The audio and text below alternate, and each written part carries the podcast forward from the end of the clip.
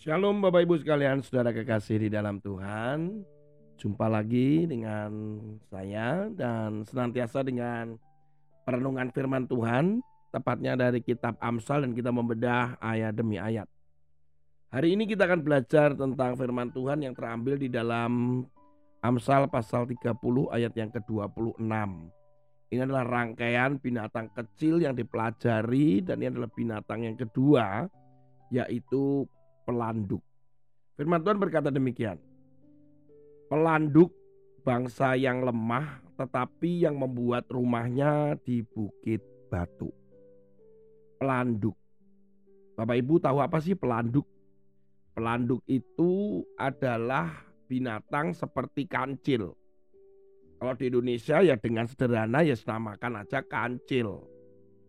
Tetapi kalau dalam bahasa Inggris itu bentuknya itu adalah disebut dalam bahasa Inggris adalah mouse deer atau deer mouse gitu ya. Mouse deer itu adalah rusa tapi wajahnya seperti tikus.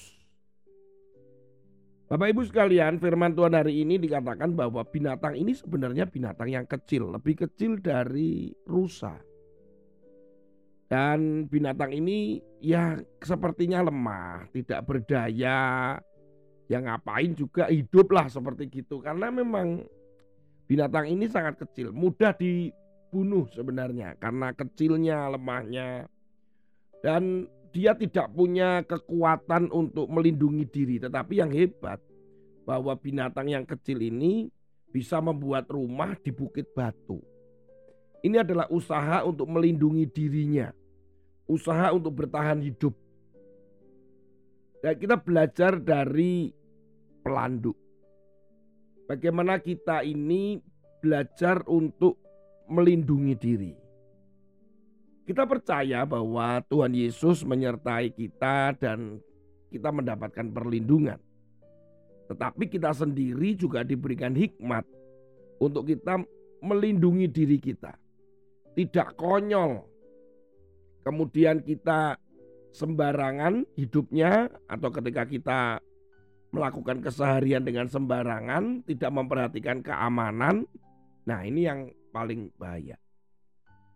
Suatu kali ketika ada sebuah outbound karena kebetulan memang saya mengikuti training for trainer buat outbound. Jadi setiap kali aktivitas bermain ataupun aktivitas terkait dengan tim building di luar atau biasanya adalah di hutan, di laut ataupun di gunung, itu yang diperhatikan adalah keamanan dan perlindungan.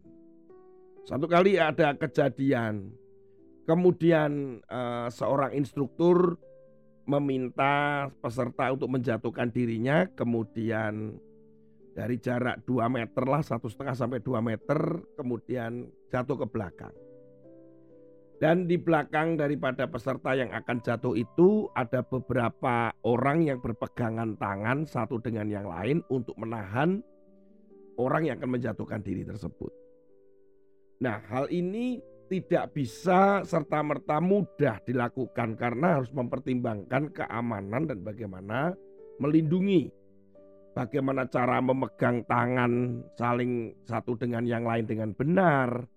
Kemudian memotivasi orang yang akan jatuh itu. Bukan menantang terus kemudian pokoknya naik jatuhkan naik jatuhkan.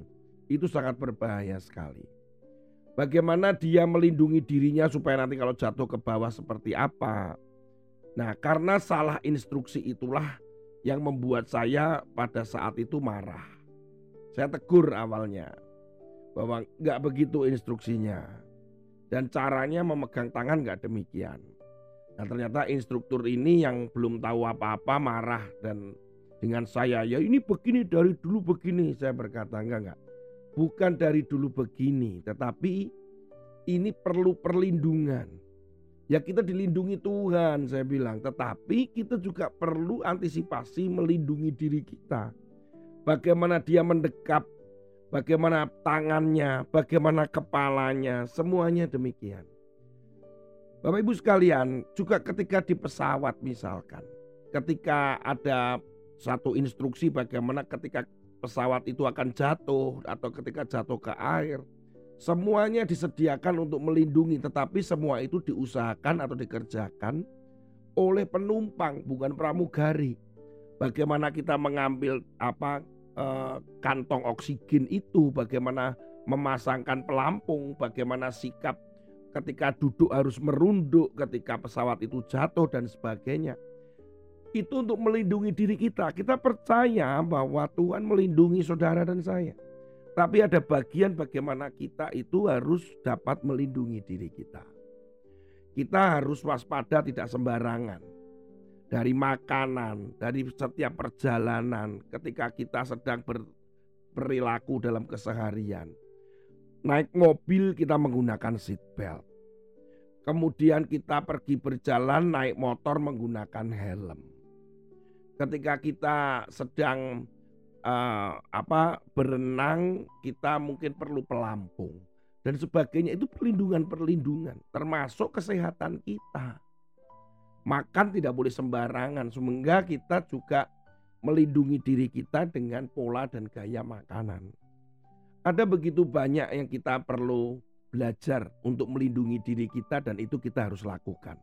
Bapak Ibu sekalian, jadi pelanduk atau kancil ini walaupun dia kecil, dia lemah, tidak berdaya, tetapi dia punya kemampuan dan kesadaran terutama untuk melindungi dirinya. Oleh karena itu kita belajar hari ini. Belajar untuk melindungi saudara. Belajar untuk bijaksana, waspada, dan berhati-hati ketika melakukan sesuatu atau bertindak. Mari mulai sekarang kita belajar. Melindungi diri.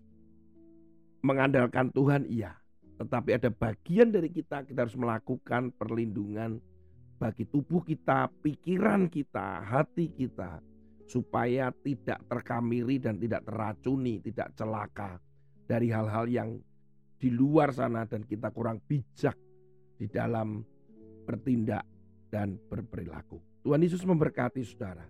Tuhan Yesus sayang dengan saudara. Mari kita jaga kehidupan ini dan selalu mencari wajah Tuhan. Amin.